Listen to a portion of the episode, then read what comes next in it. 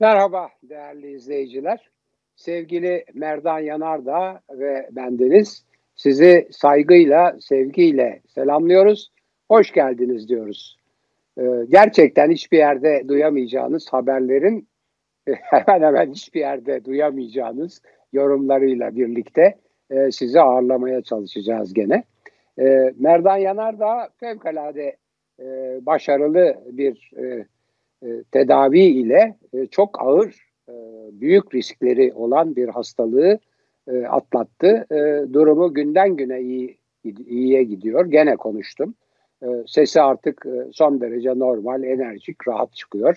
Çok büyük bir beklenmedik olay olmazsa ki inşallah olmaz ama bu menhus virüs, bu kalleş virüs ne zaman kime ne yapar belli olmuyor. Onun için herkes tetikte e, üzerine titriyoruz hepimiz. Hem biz hem biz uzakta tabii sadece sevgiyle ve kaygıyla e, ama yakından doktorları Esra Hanım'ın e, liderliğinde e, çok dikkatle her şeyi izliyorlar. Aydın Üniversitesi e, Medikal Park Hastanesi, e, Florya'daki Medikal Park Hastanesi'nde e, çok dikkatli, çok titiz bir bakım ve tedavi görüyor. Ee, buradan ben bütün Tele1 ailesi ve bütün Merdan Yanardağ sevenler adına kendilerine teşekkürlerimi, şükranlarımı sunuyorum. Ee, eğer çok büyük bir aksilik olmazsa diye başlamıştım söze, çok büyük bir aksilik olmazsa bu hafta sonu eve taburcu olmasını e, ve e, inşallah değerli izleyicilerimize pazartesi günü bir sürpriz yapabileceğimizi umut ediyoruz. Dilerim bir terslik, bir aksilik olmaz ve bu beklentilerimiz ve bu umudumuz yerine gelir. Dedikten sonra e, maalesef çok önemli bir kaybı var e, medyanın. Sevim Gözay evladımız e, çok e, bıcır bıcır yani son derece iyimser, e, enerjik, pırıl pırıl bir kız kızımız 48 ee, yaşında fevkalade genç yaşta hayata veda etti. Ee, benim çok yakınım değildi ama e, tabii medyadayız. Benle röportajlar yapmıştı. Beraber fotoğraflarımız var. Yayınlanmış röportajlar var. Çok aktif, çok becerikli, çok iyimser e, kültür ve sanat haberlerini çok iyi yapan o dünyanın bir insanıydı. Kendisine rahmet ve sevenlerine başsağlığı diliyorum. Dedikten sonra günümüzün en önemli olayı aşıya gelelim.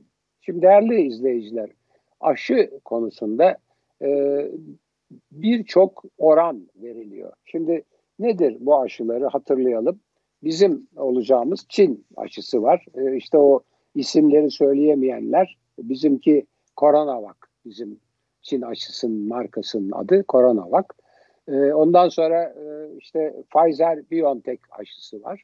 Pfizer-BioNTech aşısının e, yaratıcıları, yapımcıları iki Türk, bir hanımefendi ve bir beyefendi Almanya'da yapıyorlar. Yani aslında e, Almanya'daki teknik olanakları ve daha da önemlisi milyonlarca avroluk desteği görmüş bir araştırmacı bunlar.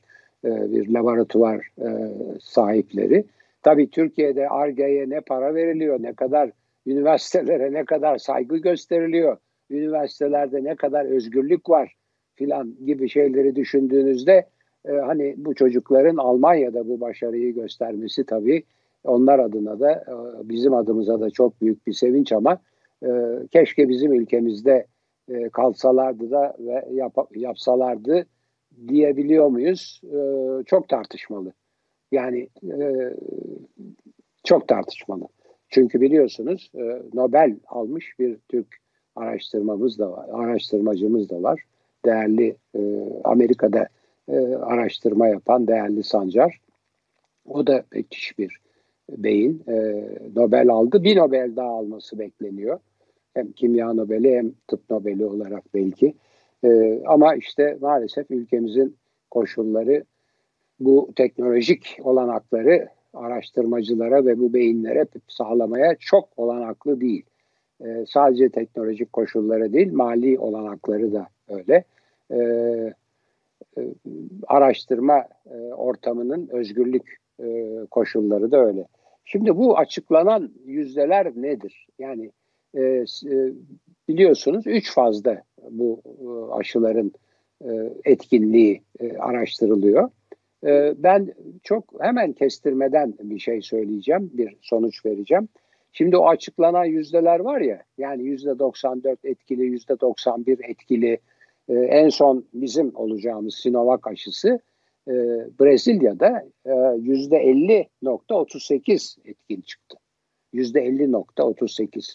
Şimdi değerli izleyiciler bu, bu oranlar insanların akıllarını karıştırıyor. Yani mesela yüzde 90 etkili olanla yüzde 50 e, e, etkili olan arasındaki fark nedir? Acaba aşı olduğunuz zaman birisi yüzde 90 koruyor, birisi yüzde 50 mi koruyor, yarı yarıya mı koruyor? Hayır, öyle değil. Yapılan araştırmalar iki grup üzerinde yapılıyor. Bakın çok basit bir şey söyleyeyim. Gruplardan birine aşı yerine e, işte placebo denen e, su veya tuzlu su neyse bir şey yani aşı olmayan bir e, sıvı veriyorlar. Öbürüne aşıyı veriyorlar. İki grup. Ve bu gruplar izleniyor. Bu grupların hasta olma oranları birbiriyle mukayese edilerek bu sonuçlara varılıyor. Yani eğer aşı olan grupta hiç kimse belli bir hastalığın belli bir biçimine yakalanmamışsa ve onun karşı grubunda belli sayılar var bunlarda. Herkes o gruptaki herkes o hastalığın o aşamasına yakalanmışsa yüzde yüz korumadır. Yani diyelim ki 50'şer kişilik gruplarımız var. Aynı hastalığın ağır haline o aşıyı yaptığımız, biz biliyoruz kime yaptığımızı. Hiç kimse hastalığın o aşamasını, hiç kimse ağır geçirmiyor hastalığı. Ama öbür 50 kişi plasebo yapılan yani aşı yapılmayan 50 kişi, tuzlu su verilen 50 kişi e, hepsi hasta oluyor. Şimdi veya bütün hastalar oradan çıkıyor. Yani onun da belli bir sayıları, oranları filan var. O zaman yüzde yüz korumadır diyoruz. Bu arada bunu böyle aşağı doğru indirin. Çünkü bunu e, sıkıntı olunca oranların açıklanmasında e, bu koronavirüs 19, e, COVID-19 koronavirüs hastalığı veya o, virüsün sebep olduğu hastalık için hafif atlatan, orta şiddet, ağır diye üçe böldüler. Yani hafiflerde işte yüzde şu kadar, ortalarda yüzde bu kadar, ağırlarda şöyle filan diye. Şimdi en e, tatsız sonuç e, Sinovac aşısı için e, Brezilya'nın açıkladığı yüzde 50.38 yarı yarıya. Şimdi bu ne demek onu söyleyeceğim. Hiç aklınız karışmasın. Aşı olan kişi de eğer o aşı etkinse o aşı onu korur. Bu oranlar aşı yapılan kaç kişide kaçının korunduğunu gösteriyor. Yani Sinovac aşısının etkinliği yüzde elli demek her iki kişiden bir kişi de etkin değil demek. Bilmem anlatabiliyor muyum? Yani herkes de etkin ama herkes de yarı etkin diye bir şey yok. Sinovac e, aşısı yapıldığı zaman o e, aşılanan nüfusun yarısı tam korunuyor, yarısı korunmuyor. O, o oranlar, o güven oranları bunu açıklıyor. Yani şeyden kuşkunuz olmasın. Yani o aşı işte yüzde yüz koruyor, bu aşı yüzde elli koruyor. Hastalandığın zaman ne olacağın belli değil filan değil. O o aşının kaç kişide etkin olabildiğini gösteren bir e, e, bir oran. Tekrar ediyorum. Sinovac aşısının en kötü oranı yani o işte e, bir, bir çok hafif geçireni var, orta geçireni var, ağır geçireni var. Ee, yani iddiaya göre ağır geçirenlerde oran yüzde 90. Yani e, o aşıyı olanlardan e, diyelim ki 50 kişi bir tarafta 50 kişi bir tarafta ise aşı gerçek aşı olanlardan bir kişi ağır geçirmiş. Onun dışında hiç kimse ağır hasta olmamış. E, öbür tarafta olanların işte bütün ağır hastalar e, tuzlu su verilenlerde, plasebo verilenlerde. Bilmem anlatabildim mi? Tekrar ediyorum. En basiti şu. Açıklanan oranlar aşının etkinliğinin insandaki gücünü göstermiyor. Aşının kaç kişide etkin olabildiğini, kaç kişiyi koruyabildiğini gösteriyor. Yüzde elli dendiği zaman o aşıyı olan her iki kişiden birinde etkili demek. E, bunlar da şimdi başka bir şey daha var. Faz 3 bilgileri bunlar dedikleri üçüncü aşama bilgileri. Üçüncü aşama e, işte bu aşama yani e, aşının yapıldıktan sonra e, tepki, e, alerjik tepki, olumsuz tepki, yan etkisi olup olmadığına bakılıyor ve ne kadar koruduğuna bakılıyor. İşte bu dediğim e, kontrol gruplarıyla yapılıyor. E, e, bu Çin aşısının, Sinovac aşısının faz 3 araştırmaları tamamen sonuçlanmış değil. Aslında ben size bir şey söyleyeyim. E, hiçbir aşının faz 3 denen yani uzun dönemde sonuçlarının belirlenme aşaması tamamen bitmiş değil. Çünkü yan etkiler, e, tepkiler vesaireler ancak uzun zaman içinde, bir yıl, iki yıl içinde ortaya çıkıyor. Yani öyle kolay bir iş değil bu. Çünkü insanlara bakıyorsunuz, yüzlerce, binlerce, on binlerce insanı işte aşılayacaksınız veya o ilacı kullanacak ki yan etkisi filan belirlensin. Bu e, pandemi ile mücadele babında mücadele için hepsine hızlı onay verildi. Hiçbirinin faz 3 çalışmaları tam tanımlanmış değil ve bitirilmiş, e, tamamlanmış değil. Yan etkileri ve e, başka reaksiyonları da tam tanımlanmış değil. Onun için mesela BioNTech ve sanıyorum Moderna'da da aynı şey var. Yapıldıktan sonra e, yapılanları bir süre hastanede tutuyorlar ki yapılan yerde e, bir alerjik reaksiyon görülüyor mu diye bakmak için. Çünkü orada bazı e, alerjik reaksiyonların görüldüğü bildirildi. Tedavi ediliyor. Onlar da tedavi ediliyor. Sonuç. Peki sen ne diyorsun derseniz mutlaka aşı olmak lazım. Mutlaka aşı olmak lazım. Yani eğer sizde bu aşı çok koruyucu olmazsa şanssızlık olmayabilir. Ee, Sinovac'ın sanıyorum e, o, ya şeyde e, hafifte ya ortada böyle bir e, iki, iki kişide bir yani o yüzde 50 nokta 38 bütün e, Sinovac'ın toplamına e, dönük bir yüzde de değil. Yani her iki kişide bir kişi ancak etkili oluyor. E, bütün e, hastalığın yani COVID-19'un COVID-19 kapan her hasta için gerekli değil. Ağır mesela geçirmeyi önlüyor deniyor böylece. Şimdi dolayısıyla bunu olmak lazım. E, çünkü olmamanın riski ölüm. Yani bizim Merdan Yanardağ modern teknolojinin, modern bilimin bütün e, elindeki olanaklarla ve büyük bir doktor, büyük bir sağlıkçılar dikkatiyle yüklenildi, zor kurtuldu. Yani e, ondan daha genç, daha sağlıklı olup kurtulamayanlar var. Ayrıca herkese ağır yani çok tehlikeli aşamalara geçildiğinde herkesin gösterdiği e, vücudunun gösterdiği tepki ve direnç de aynı değil. Onun için bu ölüm tehlikesi olan bir virüs. Üstelik bu son e, mutasyonlar çok tatsız. Bir tanesi hızlı e, hızlı yayılma mutasyonu gösteriyor. Öbürü vücudun bağışıklık sistemini yenme etkisine sahip. Yani vücut ne yaparsa yapsın dinlemiyor ve sizi vuruyor. Üçüncü bir mutasyon hem hızlı yayılan hem de vücudun bağışıklık sistemine karşı kendisi savunma geliştirip sizi ele geçiren bir mutasyon. Üç böyle bir mutasyon daha var. İşte biri e, Japonya'da, biri Güney Afrika'da, biri e, İngiltere'de görülmüş filan mutasyonlar bunlar. Yani bunun şakası yok. Olanaklı olduğu ölçüde hemen aşı olun. Olanaklıysa. Tabii şimdi oraya geliyoruz. Ne kadar olanaklı? Türkiye'ye e, 3 milyon doz geldi deniyor. İki defa yapılacağına göre 1,5 milyon kişi. Yani sağlıkçılarımız ve 65 yaş üstü ve riskli e, insanların sayısı bunun çok daha üstünde. Çok daha üstünde.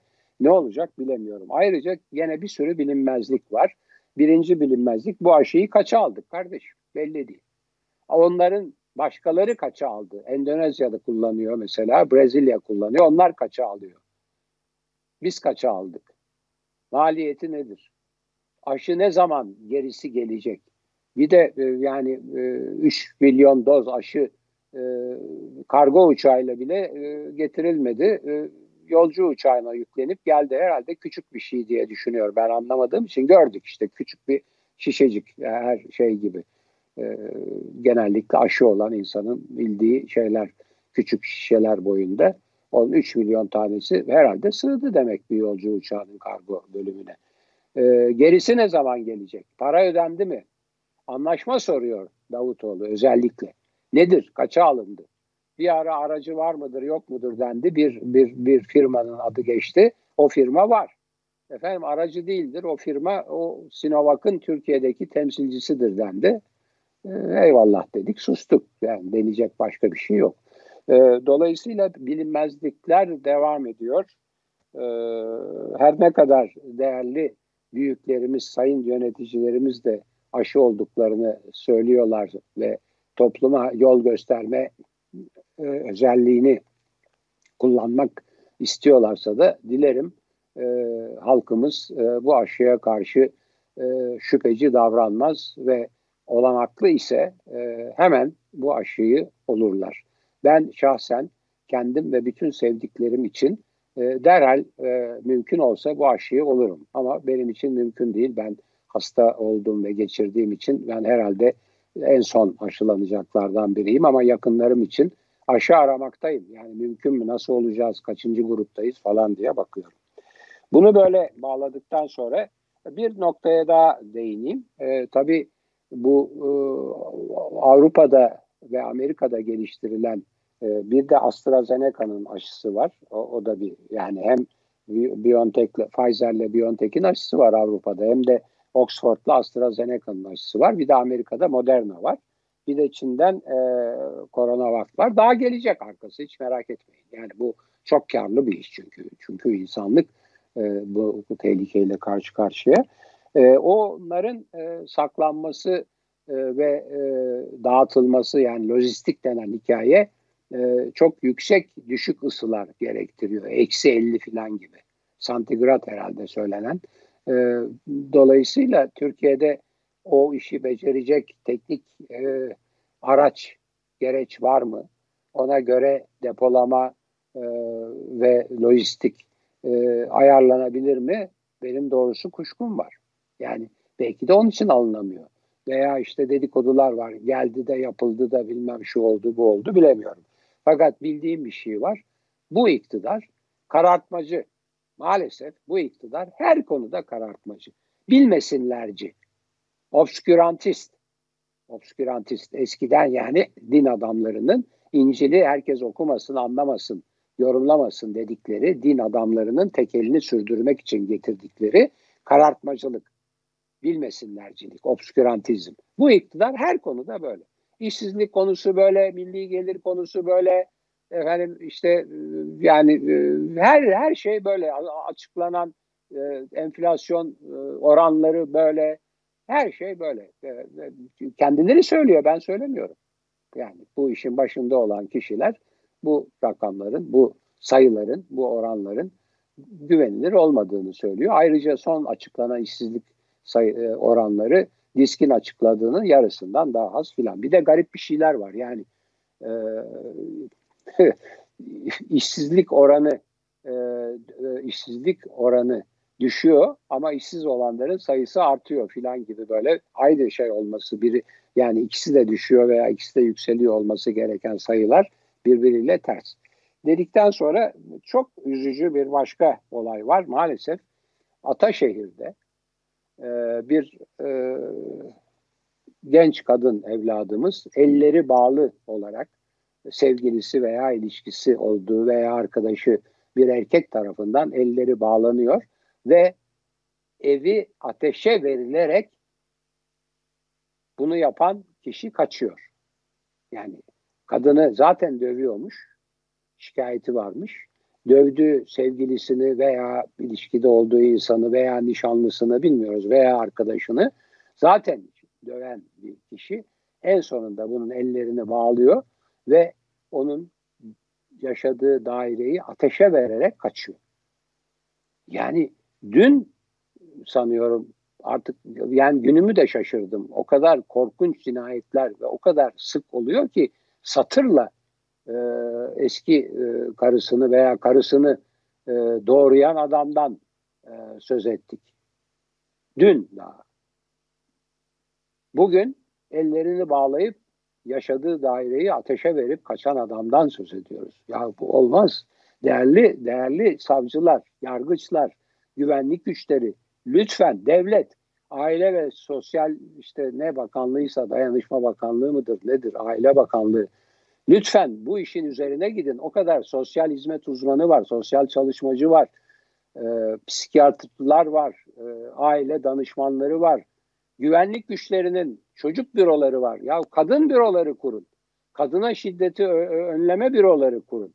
Sevgili polis evlatlarımızı eğitin. Onlar bu bu bu toplumun evlatları. Bu öldürülenler onların anaları, kız kardeşleri, sevgilileri her şeyleri olabilir. Bu nüfusun yarısı kadın, yarısı erkek. Ben polis evlatlarımıza iyi bir eğitim verilse, savcılarımız ve yargıçlarımız bu işin üstüne doğru dürüst gitseler bu kadın cinayetlerini çok önemli ölçüde düşürüleceğine inanıyorum. Ama eğitim verilecek, ilgi gösterilecek, örgütlenme ona göre olacak. Gerekirse ben bu konuda bir, bir koca makalemi e, bu, bu konuya hasrettim. İşte 11-13 tane filan e, şey saydım, önlem saydım. Yani yasaları gerekirse değiştirelim. Daha şiddetli cezalar verelim. Lütfen sayın yargıçlarımız bu katillere te, bilmem temiz görünümlü e, takım elbise giydi, efendimli konuştu, pişmanım dedi diye abuk sabuk sebeplerle ceza indirimi vermeyin. Başka tabii e, makul nedenler olabilir. Ben hukukçu değilim. Yani sayın yargıçların o e, takdirine bağlıdır e, indirim. Ama yani böyle iyi giyimliydi, pişman oldum dedi vesaire. Hatta yani bunlar çünkü psikopat hainler önceden de planlayarak yaparlar. Bir insanın psikopat ve e, zalim olması onun aptal olduğunu göstermez. Tam tersi. Çok zeki. Cin gibi zeki. Hepimizi böyle suya götürüp susuz getirecek psikopatlar, sosyopatlar var. Öyle bir cinayet tasarlar, öyle bir gerekçeler koyar, öyle bir şey yapar ki anlamazsınız bile acırsınız adama filan.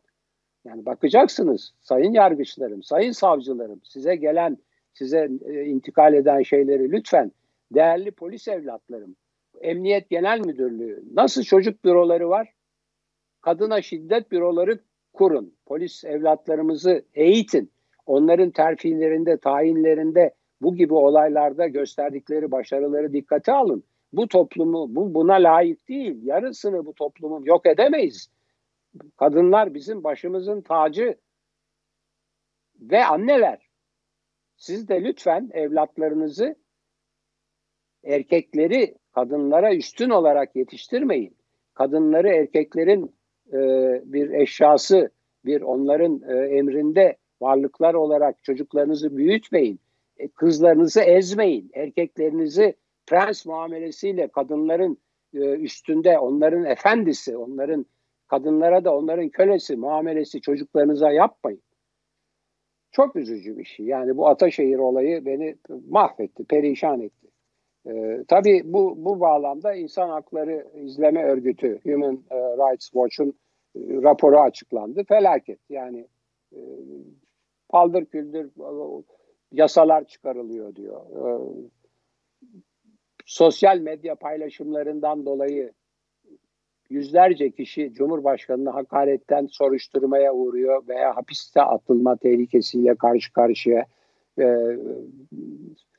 korku korku içinde yaşıyor millet diyor. Kavaların olayına değiniliyor. Ee, İnsan Hakları Mahkemesi bırakın dedi diye ahim bıraktı bırakın dediği halde bırakılmıyor diye filan. Yani tabii yani kadınlar bu kadar şiddet uygulanan ve katillerin o şiddeti uygulayanların veya veya öldürürüm seni filan alırım canını ya benimsin ya kara toprağımsın filan diyenlerin e, önlemi alınmayan bir toplumda bunlar oluyor tabii. Şimdi buradan tabii başka bir yere geleceğim.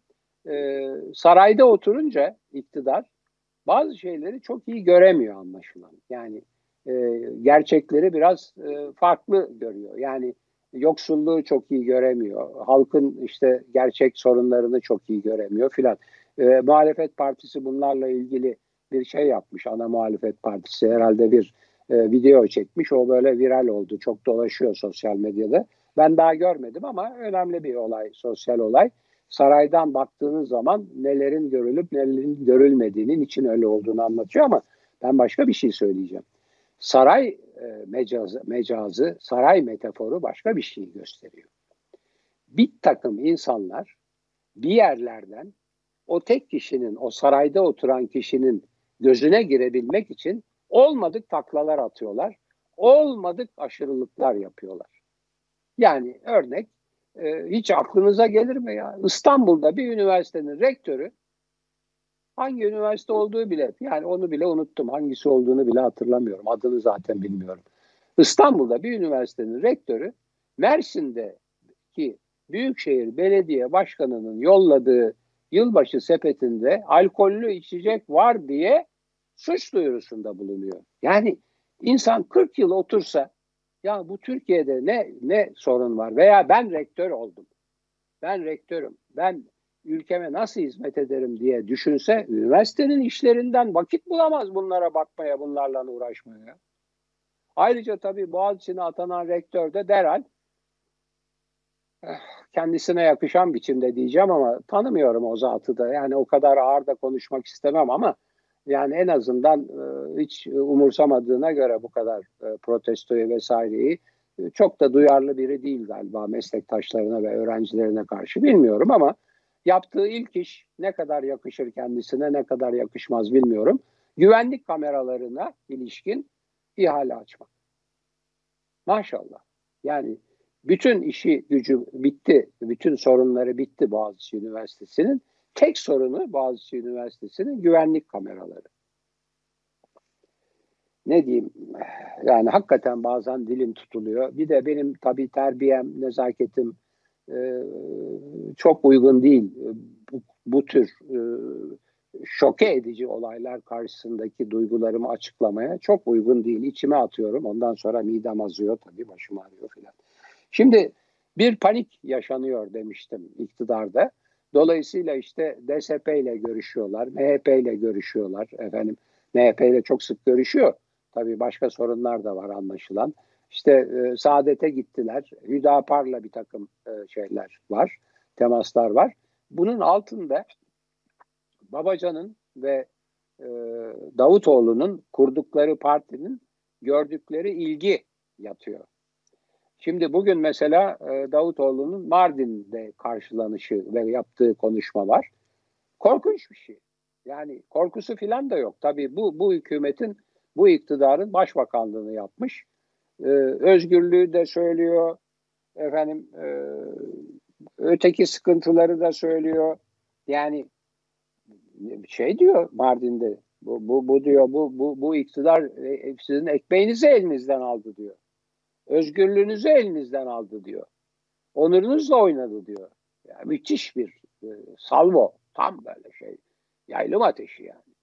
Öbür taraftan Babacan Deva Partisi'nde o da ver yansın tam e, yıllarca ilk başta e, o bazı arkadaşların e, farkı göremeyip de ilk dönemlerde ya çok iyiydi filan dedikleri. Oradaki fark Ahmet Necdet Sezer farkı 2007'ye kadar çok iyiydi. 2007'den sonra bozuldu diyorlar. Tabii çünkü 2007'ye kadar Cumhurbaşkanı Ahmet Necdet Sezer Allah selamet versin bir Anayasa Mahkemesi başkanlığından gelen bir hukuk devleti adamı özgürlükleri koruyordu, aşırılıkları engelliyordu filan bir, bir fren görevi yapıyordu. Dolayısıyla işler biraz daha e, yolunda gidiyordu. O arada tabii e, dünyada da bir genişleme vardı. Dolara boğmuştu Amerika dünyayı. O bakımdan iyidir. Ve herkesin söylediği ya 2007'ye kadar iyiydi de sonra işte şaşırdılar dedikleri. Sonra olan şey Ahmet Ecdet Sezer'in yerine kendilerinin ikinci adamı görünen o zaman e, Sayın Abdullah Gül seçildi ve tam o işte e, bizde noter deniyor, Çankaya noteri deniyor.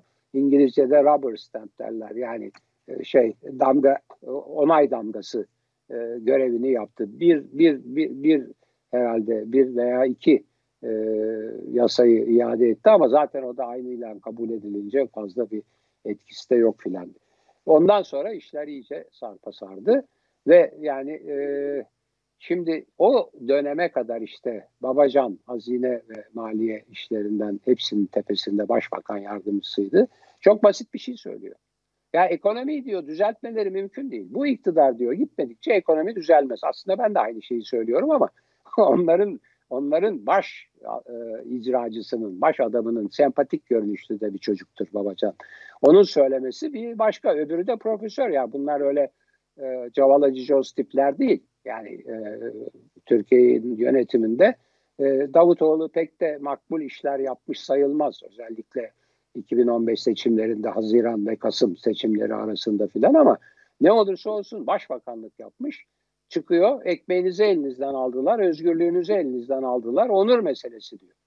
Şimdi bunu dedikten sonra o panik içerisinde Bahçeli e, bu sefer sevgili Mustafa Balbay'a Cumhuriyet Gazetesi yazarına saldırmış. Yani e, inanılmaz bir şey. O bağlamda medya için bir tanımı var onu söyleyeceğim. Diyor ki bakın yüzde yüz katılıyorum bu söylediklerine. Şimdi okuyacağım satırlara. Devlet Bahçeli bunları Türkiye'deki medya için söylüyor. Şimdi okuyacağım şeyi. Gerçi Balbay'a sataşırken, Balbay'ı suçlarken söylüyor ama ben bu söylediği her şeyin altına imzamı atarım. Bakın aynen şöyle diyor. Kumandalı yorumcular, icazetli televizyonlar, icazetli, e, onaylı, müsaadeli demek, izinli demek.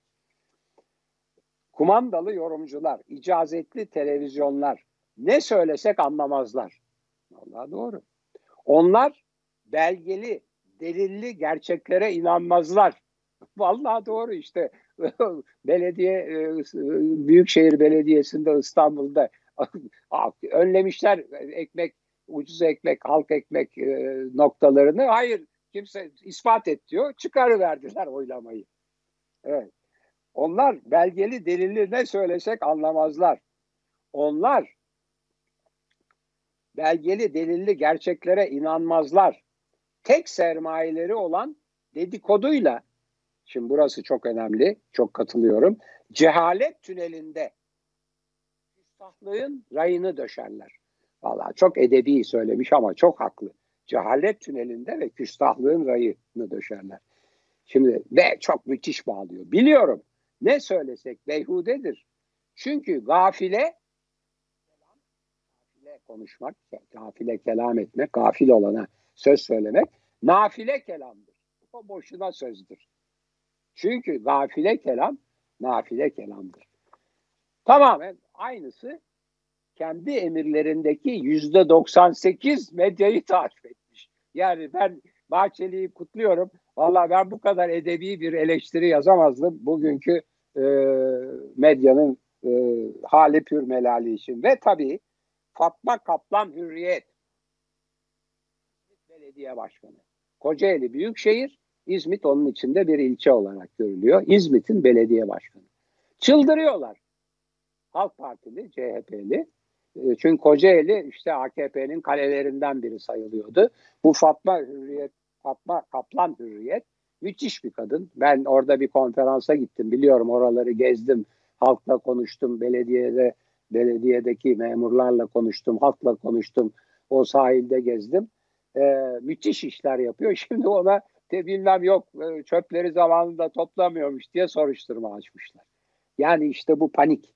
Ama bu, bu Davutoğlu ve Babacan e, bu paniğin esas nedeni bütün bu işte temaslar şunlar bunlar pek bir sonuç vermeyecek. Çünkü her konuda duvara toslattı bu tek adam rejimi, bu şahsım e, devleti bizi.